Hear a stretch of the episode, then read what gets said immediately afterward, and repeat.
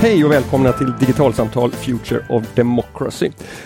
I de poddarna som jag och Karin Habinett har spelat in inför Future of Democracy i år så har Helsingborgs stad ofta lyfts fram som ett föredöme och det vi, idag när vi spelar in så är det den 13 juni och vi har precis avslutat dagens Future Democracy och jag har ryckt tag i Martin Gyll som är digitaliseringsdirektör på Helsingborgs stad för att få ett litet snack om vad är det som gör att Helsingborgs stad lyfts fram som det här exemplet? Hej Martin och välkommen till podden. Tack så mycket Anders. Um, nu har ju de, de här beskrivningarna utav Helsingborgs stad har eh, varit ganska svepande men det har ändå varit att man har lyft fram er som en, en föregångare inom digitalisering i, i det svenska, bland de svenska kommunerna. Um, och därför har jag inga konkreta frågor att ställa till dig kring, kring liksom de här, det här goda exemplet. Jag tänker börja med en, en liksom här, du ska få gissa själv. Um, vad är det som gör att, att Helsingborgs stad nämns i de här positiva ordalagen när det handlar om kommuner och digitalisering? jag tänker att eh, digitalisering handlar om eh, förändringskraft, förändringsledning och det är ju egentligen det som staden har hållit på med ganska länge med ett långsiktigt arbete. Eh, det har funnits en stabil politisk ledning och ett gott samtal mellan folkvalda och tjänstemän. Så riktningen har varit tydlig länge. Mm. Och det handlar mycket om att utmana eh, rädslor och eh, nuvarande sätt att arbeta. Mm. Eh, det är en av de största utmaningarna som jag ser det i kommuner och offentlig sektor, den här felrädslan. Mm. Eh, så vi har till och med infört ett pris som är årets misslyckande som ett väldigt viktigt signalvärde att det är okej okay att göra fel och till och med förväntat att göra fel. Jag vill, jag vill, komma, till, jag vill komma tillbaka till den här felrädslan och, och varför det här priset är, är, viktigt för det. Men, men för att på något sätt sätta ramarna för de som lyssnar. Digitalisering är fortfarande ett väldigt vitt och brett begrepp som kan betyda lite olika saker. Därför skulle jag vilja veta för dig, digitaliseringsdirektör i Helsingborgs stad, vad, vad, vad, liksom, vad är digitalisering för något? Kortversionen av det på skånska är att jag jobbar med data. Det är ju vad jag säger till min mamma då för att digitaliseringsdirektör eh, går inte riktigt fram Nej. och vad man gör på jobbet. Eh, så där brukar det väl lugna ner sig ungefär med frågorna. Eh, men det handlar som sagt mycket om att våga utmana och titta på nya sätt att arbeta, hur man skapar värde för invånaren eller effektiviserar på olika sätt.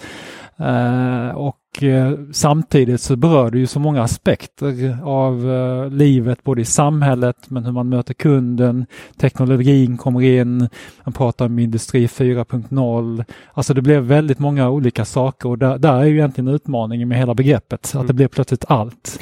Men du säger till din mamma att du jobbar med data, du säger inte att du jobbar med datorer. Var, var, varför, vad, är, vad, är liksom här, vad blir skillnaden mellan, mellan hårdvaran och den informationen som finns i, i hårdvara, hårdvaran? Alltså begreppet data är ju mer sådär skojigt begrepp på, på skånska men det, det komiska är ju nästan att, att det, det sätter ju fingret faktiskt på det som är essensen kanske av mycket av digitaliseringen och det handlar ju om att frigöra data eh, både för att kunna automatisera på ett bra sätt men också då använda artificiell intelligens i framtiden. Eh, det har ju varit väldigt mycket hårdvarufokus kanske tidigare. Vi pratade på konferensen här om att det var hem-PC och det var bredband och det var mycket prylfokusering generering. Men nu är vi inne på att prata om kunskap, kunskapsgenerering och att liksom eh, ja, skapa den här artificiella intelligensen. Så att det har ju blivit en annan karaktär på digitaliseringen än för 20-30 år sedan. Mm. När, när du tillsammans med Karin Hübinette och Martin Svensson, co-director på iSweden, hälsade eh, deltagarna välkomna hit idag, eh, så sa du att du, du har många års eh, erfarenhet av innovationsarbete i privat sektor. Eh, du har jobbat på ABB och Sony Ericsson och sen har du gjort ett antal år, en period på Skånetrafiken. Men, men det här jobbet som du har just nu, det är det svåraste du har haft. Vad, vad är det som gör att, att, att vara digitaliseringsdirektör i en, i en svensk kommun är svårt? Jag måste säga att jag var väldigt okunnig om vad en kommun gör innan jag började, det ska jag villigt erkänna och jag är väldigt tacksam och jag känner att jag lär mig fortfarande varje dag hur det funkar i en skolverksamhet eller i omsorgen eller i, när man utvecklar kulturen eller en stadsdel och så vidare. Och det är ju det som är grejen med en kommun, de innehåller ju alla de här olika delarna. Mm. Vi är nio förvaltningar och fem bolag med en enorm bredd av utmaningar och, och uppdrag som finns. Och eh, vi har ju identifierat Eh, och jobbat länge med att kunna jobba i mellanrummen, alltså att samarbeta mellan olika förvaltningar. Och det är inte självklart i eh, en svensk kommun idag, utan oftast är det en nämnd som är kopplad till en förvaltning och så kör de sitt eget race. Eh, men här har vi jobbat väldigt mycket med att just hitta, okej okay, hur kan skolan samarbeta med arbetsmarknadsförvaltningen eller socialen för att lösa de problemen som finns däremellan. Det blir jag jättenyfiken på liksom, att höra lite mer konkret om. För, för en av de utmaningar som, som har lyfts i, i samtalen här i, idag har ju just varit det här att, att data och information ofta blir inlö, inlåst, mellan, eh, inte flytta mellan olika myndigheter eller för den delen mellan olika förvaltningar in, inom en kommun. Va, va, vad, är det, vad är det man kan göra när man börjar flytta data från en silo till en annan inom en kommun? Eh, det kan ju vara att man kan se olika typer av insatser. Om vi gör någonting på socialsidan, eh, ger den effekt på arbetsmarknadssidan, att någon kommer i jobb snabbare eller spelar det någon roll hur en familj är omhändertagen för hur skolresultaten blir så att säga. Det är den typen av analyser som är väldigt svåra eh, att göra när man inte kan samköra data. Eh, det som jag tycker är lite spännande är att de flesta invånare, vi gör sådana här forskningsrapporter, de flesta invånare utgår ifrån att det är självklart att kommunen använder min data på ett smart sätt så att vi kan få den bästa servicen och kommunvärdet eh, som vi, vi kan. Så de förstår inte ens att vi inte får lov att samköra mellan olika myndigheter som det heter då. Hur, hur, gör ni för att, för att eh, stresstesta eller pusha gränserna för vad, liksom så här, vad, vad, som går att göra. Vi har haft gäster i, i de senaste avsnitten som, som har tryckt just på det här att, att våga utmana liksom så här, förutfattade meningar om vad, vad lagen faktiskt tillåter. Hur, hur jobbar ni med för att trycka emot det? Mm. Nej, men eh, det är ju faktiskt så att, att, liksom att affärsutveckla i en kommun är ju i stort sett att i första hand navigera i de lagrummen som finns. Att det är nästan likställt med, med affärsutveckling. Uh, och uh, vi möter ju på den utmaningen i stort sett varje, i varje projekt vi har. Mm. Uh, och det hamnar ofta på spetsfyndigheter liksom. när en handling att betraktas som överlämnad till myndigheten, är den när passerar brandväggen, ettan och nollan eller ska någon ha öppnat mejlet först? Liksom. Det, det hamnar oftast i, i de eh, spetsfyndigheterna så att säga. Eh, så att vi lever ju i ett behov av att ha ett ledarskap här. Eh, det vi gjort senast nu det är till exempel med M365 eh, som är en sån här eh, vattendelare i Sverige huruvida man får använda amerikanska molntjänster. Så har vi sagt att ja, eh, det, det kommer vi att göra. Inte för all information, men för viss typ av information så kanske vi inte då har laglig grund eh, för att behandla den där, men vi, vi kan tänka oss att göra det ändå. Och det har ju för eh, oss varit en process i att liksom eh, våga prata om det, att, att förankra det i ledningen, förankra det med våra centrala politiker. Så att vi är eniga om att det är den riktningen vi tar, även om vi då inte vet eh, med säkerhet att det, det är okej okay, så att säga. Vad, vad, är det som gör att ni ändå liksom fattar ett sådant beslut då? Att, att vi vet inte om det är okej okay, men vi gör det ändå. Det, det måste alltså finnas en, en teknisk uppsida, en, en, en, liksom en, processvinst, en, verksamhetsvinst med att, att göra den förflyttningen. Kan, kan du beskriva liksom lite mer om, om vad det är som gör att man landar i det beslutet? Jag tror det är en kombination av två saker. Det ena är att eh, det, det finns ett rätt så stabilt ledarskap. Eh, exempelvis i, i det här ärendet då så, så sa våra politiker tillsammans över blockgränsen att vi gör ingen eh, politisk fråga av det här. Det är ingenting vi gör en sak av i media utan är det någon som eh, vill eh, väcka en oro så gör vi det i det här stängda rummet och pratar om det. Liksom. För att det är klart om man som ledarskap då börjar dra och slita en fråga och skicka väldigt olika signaler så, så blir det ju ett eh, problem för medarbetarna vad de ska tro på eller lyssna på. Så det är väl den ena biten att det finns ändå någon form av gott samtal mellan mm. politikerna. Eh, sen det andra är ju att det finns en bred enighet också att vi måste förflytta oss som, som stad. Så att mycket av de satsningarna vi har gjort handlar om att vi måste hitta smartare nya arbetssätt. Och, eh, de vet ju och har förstått eh, att, att det här är ju de verktygen som är utvecklingsframkant och då kan man inte låta bli att göra det. Förflytta Helsingborg som stad, vad, vad betyder det? Det innebär dels att vi måste lösa de omedelbara resursbehoven. Alltså vi hittar ju inte personal till varken eh, omsorgen eller till skolan. Eh, det går inte att även om man vill det rekrytera fler för de finns inte. Uh, vi har ju siffror som säger att uh, vi måste rekrytera var tredje 12-åring idag, eller de som kommer ut på arbetsmarknaden 2029, uh, för att täcka upp det behovet i äldreomsorgen. Och, och, och det kommer bara inte gå. Nej. Så, att, så att det, det, har vi väl insett i, i staden i alla fall. men sen så har vi också då pekat ut ett antal stadsgemensamma utmaningar, 15 stycken. Eh, och det handlar alltid om trygghetsfrågor eller hur man kan bo kvar längre hemma eller man eh, skapar en demensvänlig stad och så vidare. Så att det finns en väldigt stark eh, enighet och, och liksom uppbackning kring de gemensamma Ja, okay. behoven om man säger så. Men, men det, om, vi, om vi hänger kvar vid det första exemplet som du, som du sa där att var tredje tolvåring skulle behöva rekryteras till, till äldreomsorgen här. Eh, att, att det, det som tekniken möjliggör här då och som gör att det känns angeläget att, att pusha på testa gränserna det är att, att tekniken är liksom så här, lösningen på välfärden när vi inte kan täcka upp med människor överallt.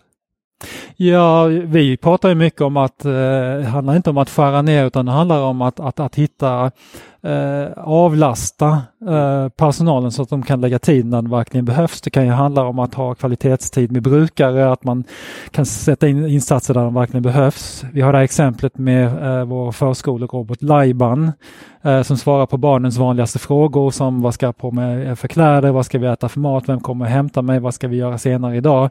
Eh, alltså de tusen frågorna som en förskolepedagog får eh, istället för att då behöva svara på varje barn så kan de själva få det svaret och har då tid med de barn som behöver extra stöd helt enkelt. Just det. Uh, på scenen här så pratar du också om en central innovationsdatabas med idéer om vad som kan och behöver göras i Helsingborgs stad. Vad, vad är en innovationsdatabas för någonting? Eh, det började väl som en uh, liten idé som vad ska man säga, någon slags eh, kommunikationsplattform nästan har utvecklat sig till en plattform för gemensamt, eh, gemensamt utvecklingsarbete. Mm. Så alla, alla stadens förvaltningar förväntas då lägga in och beskriva sina innovationsprojekt eh, i den här öppna databasen som, som vem som helst kan gå in och titta på. Och det är hela poängen för då kan man ju se vad någon annan förvaltning gör och så kan man, ja ah, vi har samma utmaning men ska vi inte samarbeta kring det och göra det tillsammans?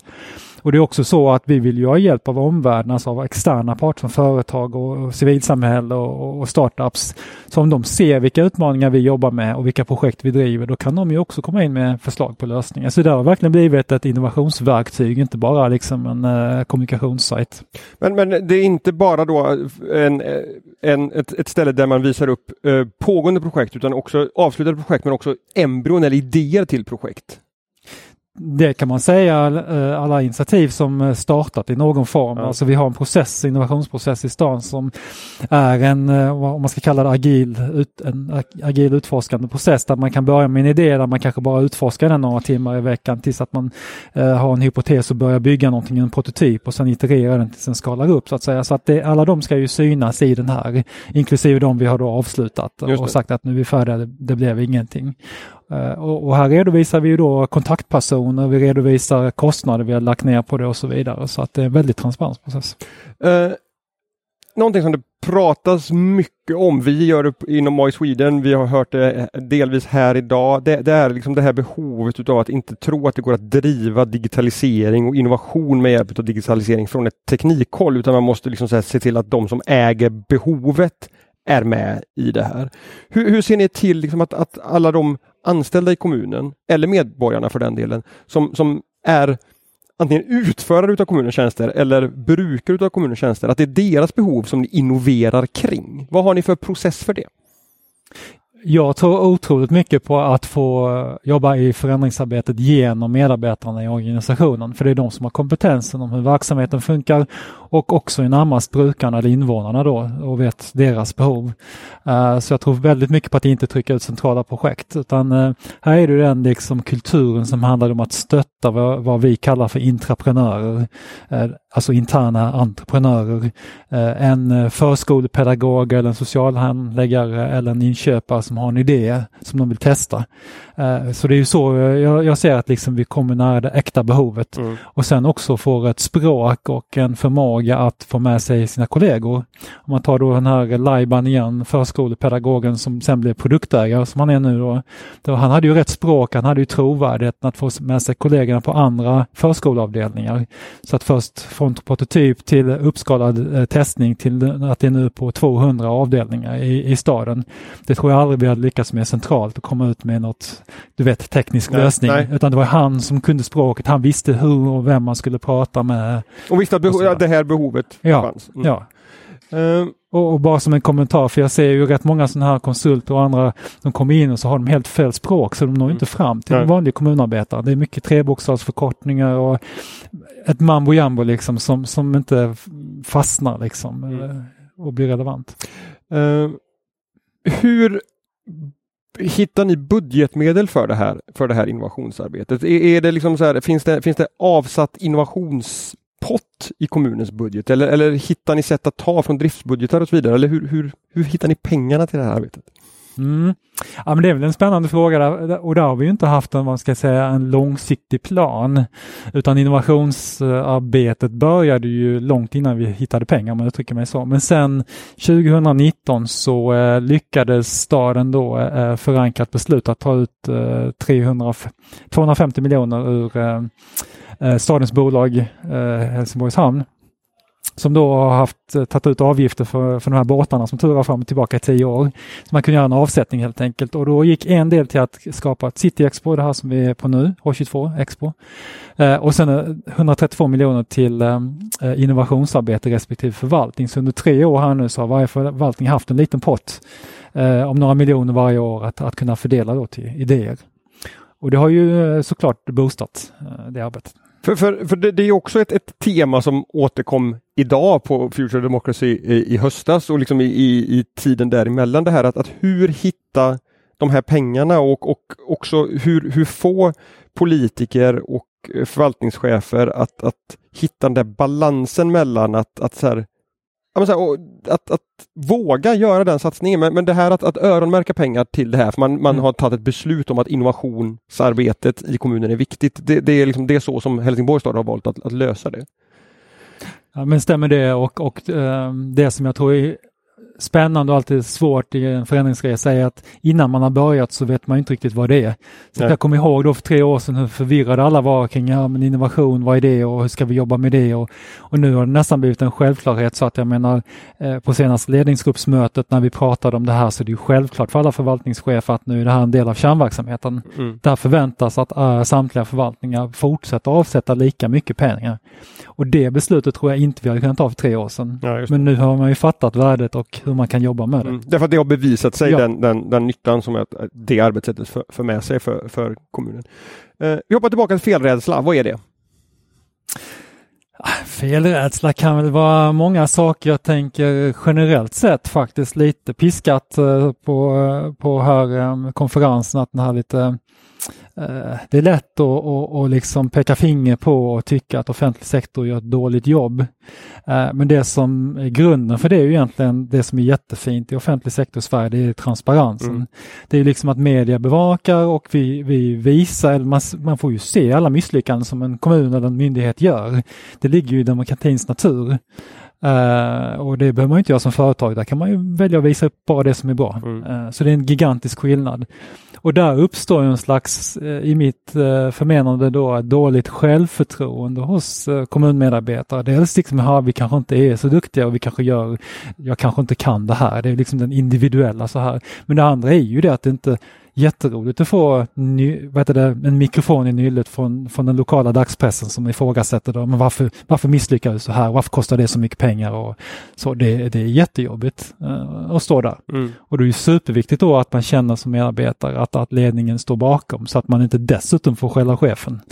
Vad gjorde du nu här? Och nu måste vi hitta uh, vem vi ska ge skulden och så. så mm. att, uh, för, för det där, jag tror att det var Jon Simonsson eh, på, på Komet som var inne på det i ett, i ett tidigare avsnitt här att, att um, vissa misslyckanden är ju verkligen misslyckanden och skandaler och ska behandlas på det sättet i, i den offentliga debatten. Men andra saker är faktiskt en, en del utav en lärandeprocess som ligger i ett innovationsarbete. Att allt blir inte rätt från början. Så att det handlar om att hitta en, en balans och förståelse hos, hos medborgarna för att vissa saker måste vi våga testa för att vi faktiskt ska kunna bli bättre. Mm.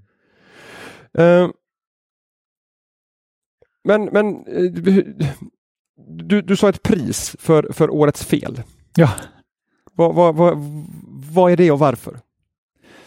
Eh, staden eh, eh utnämner ett antal olika pris eh, varje år. Det kan vara årets arbetsplats och, och, och, en rad olika kategorier så att säga. Men årets nytänk är en av de kategorierna och där ligger det här då. Och det vi kallar det årets misslyckande men eh, det handlar ju egentligen om ett lärande då, ja. så att säga. Vad, vad, alltså att framhäva då liksom, vad lärde ni er i den här processen? Det är ju själva poängen. Mm. Så att det är ju såklart inte att, att, liksom det, eh, att misslyckanden, i alla fall inte upprepade misslyckanden, att det är bra, utan det är ju lärandet i det helt klart. Uh, och, och, här kan jag själv känna att det, det kan hjälpa både i med dialogen med medarbetarna men för mig själv också. Att, att liksom tänka då att det är bättre att misslyckas tidigt och snabbt så att säga. Så att liksom när du har börjat halka in på ett spår som inte känns bra, att, att, att våga erkänna och säga det då, nej men det här blev inte bra. Så vi gör om det. Mm.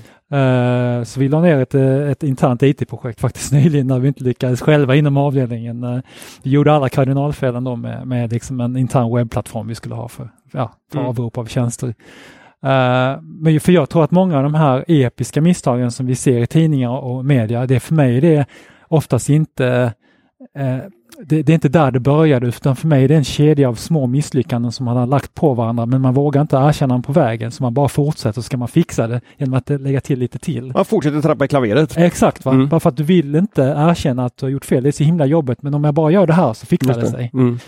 Eh, så det tror jag inkluderar Trafikverket och alla de här grejerna. Det, det börjar inte i den episka ändan. Nej, just det. Uh du, du, har, du har en bakgrund i, i det privata näringslivet och så jobbar du i, i offentlig sektor nu. Um, finns det, och, och, du var inne på det, liksom, att, att vi har en offentlighetsprincip och en transparens i offentlig sektor som vi inte har i det privata näringslivet, vilket gör att ett privat företag behöver liksom inte fullt ut eller överhuvudtaget stå för, för sina misslyckanden. Gör det också att när vi diskuterar, för du sa också det här att, att man, man hör hela tiden hur, hur offentlig sektor får en del skit för att man är långsam och gör misstag och sådär. Bedömer man offentlig sektor och privat näringsliv efter två olika måttstockar, tycker du? Ja, men det tycker jag nog och, och jag känner nästan att man nästan utgår ifrån att offentliga aktörer kommer att, att göra fel för att, att det blir nästan som att där jobbar B-laget. Uh, och det kan jag säga sen jag börjat uh, i liksom offentlig sektor att här finns ju otroligt kompetenta och, och engagerade medarbetare som verkligen vill göra en skillnad för, mm. för vårt samhälle. Mm. Så jag är en största ödmjuk för det. Uh, men, men, någonstans så, så behöver vi ju göra saker kanske på ett rättssäkert sätt. Och då, och då är det ju lite grann inbyggt. Jag tror det är många medarbetare som känner ett eget ansvar eh, för att eh, man följer lagen i Sverige därför att det är ju ändå det det grundar sig på. Mm. Eh, jag lärde mig faktiskt ganska nyligen, det var ganska spännande att Axel Oxenstierna då som la det här systemet i grunden, den fundamentala förändringen han införde var att eh, han menade på att eh, förvaltning, svensk förvaltning skulle styras av lag och inte av Gud. Mm. För så, det är det som är skillnaden. Så att det har vi lutat oss på så länge att det inte ska vara godtyckligt av någon högre makt. vi har tydligt ramverk. Så att det är många som tror på det här, verkligen försvarar det som individer. Så även om vi som arbetsgivare ibland säger att hitåt ska vi, så kan vissa medarbetare fortfarande stå, kvar på samma ställe och säga nej, det, det tror inte jag på. Nej, det, nej. det, vill inte jag. Nej, och, och jag tänker att det, det kopplar också till en annan tanke som jag har haft ett tag och det är ju att, att när, man, när man pratar om, om liksom så här offentligas innovationsarbete och så vidare så är det här liksom att, att det inte får kosta pengar. Det, det är en sak som man kan ha en diskussion om och konstatera att vi måste kanske ha ett, en form av riskkapital. Vi måste riska en viss del av det offentligas medel också för att kunna innovera. Uh, men, men sen fin, finns ju den där andra aspekten då av att vi måste ju samtidigt se till att vi i innovationsprocessen faktiskt Okej, vi behöver testa vissa, vissa, vissa lagar och regler, men, men samtidigt, alltså det måste också finnas rättssäkerhet kvar hela tiden gentemot medborgarna. Hur, hur, liksom hur balanserar man det? Att, att det här att, ja, så här, vi kan ju inte sjösätta ett system som under tre års tid riskerar att göra skolantagningarna hejkon bacon eller liksom någonting sånt där. Alltså, hur stresstestar man liksom funktionen i någonting? Mm. Ja, men jag tror ju mycket på, eh, på liksom att börja litet. Som sagt, att, att liksom inte... Vi har, vi har drivit ganska mycket i staden här att inte göra så mycket pilotförsök i någon slags separat uh, verksamhet som så att säga är skärmad från den verkligheten som finns. Men att, att, att liksom våra småskaliga tester ska ske i skarp miljö. Ja, okay. För då ser man liksom vad som händer i processen och det är det jag tror man ofta misstar innovation och utveckling är att man tror att man ska hitta en lösning.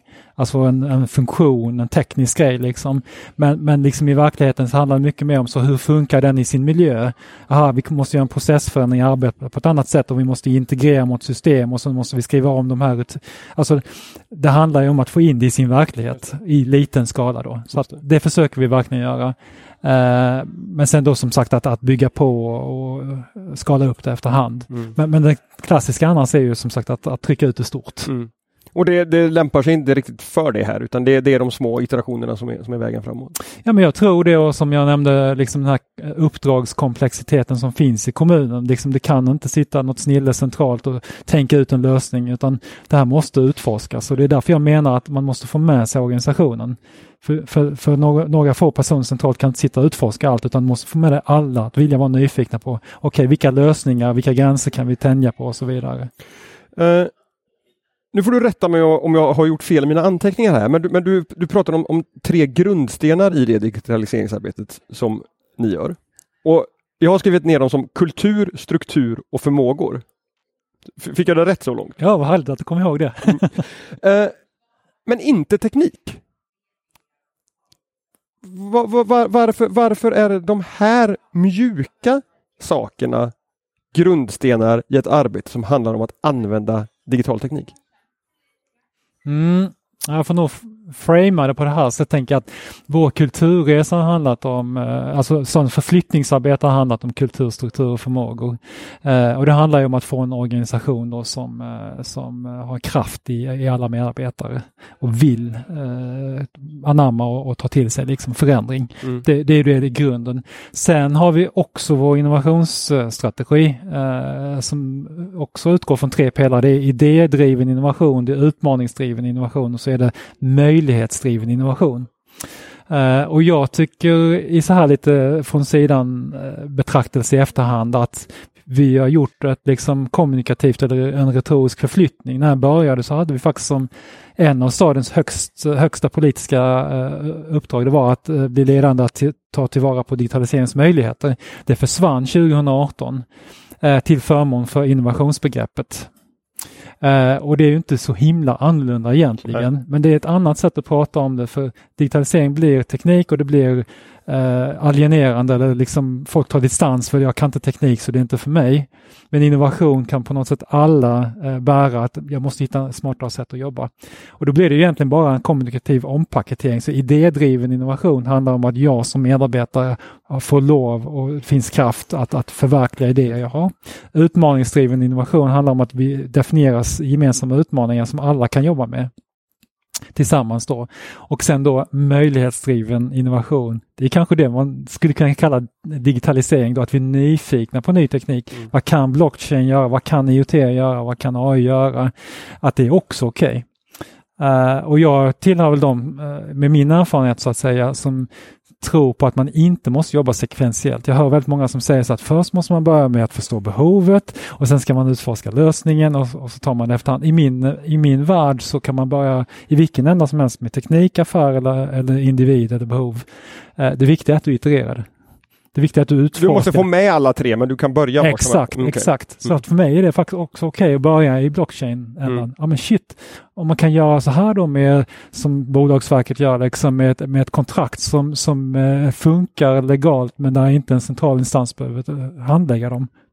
Wow, då kan vi ju tänka helt nytt. Därför att ibland så ser vi de här nya teknikerna som vi måste börja utforska för att liksom lära oss och sen kunna innovera behovsdrivet på dem när vi har skaffat kompetensen och tekniken i sig. Ja exakt och vi har ju det här exemplet hos oss med, med torsken då som eh, när vi upphandlar så har vi haft svårt att veta om den går från Norge direkt till barnens tallrik här i Helsingborg eller om den passerar Kina för att fileras. Eh, och det kan man ju inte veta. Det är ju en torsk liksom. det kan ju vara vilken torsk som helst. det vet inte jag. Men nu med, då, med blockchain-teknik och tillsammans med Atea har vi då eh, satt i verket ett en leverantörskedjesystem så att vi kan liksom följa varje behandling av den torsken Tack vare blockkedjan? Precis, eh, bokförs då så att säga vad den har varit. Så då vet vi att den har gått direkt till, till bonden. Och det hade ju inte den här inköparen kunnat tänka ut själv att det skulle man kunna göra ja, om inte tekniken hade öppnat den dörren. Så att säga. Mm. Martin, som, som avslutande fråga, en sportfråga som jag slänger in ibland. Eh, vad, vad, är roligast med att vara digitaliseringsdirektör i Helsingborg? Då? Det roligaste tycker jag det är faktiskt att varje dag känner jag lär mig lite mer om hur samhället fungerar.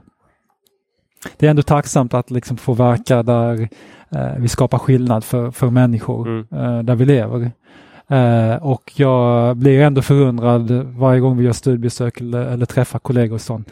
Wow, vilken passion och liksom hur ni jobbar för att och allt från att liksom möta äldres ensamhet till, till liksom hur man kan få elever att, att lära sig på nya sätt. Eh, jag tycker det är så djupt fascinerande.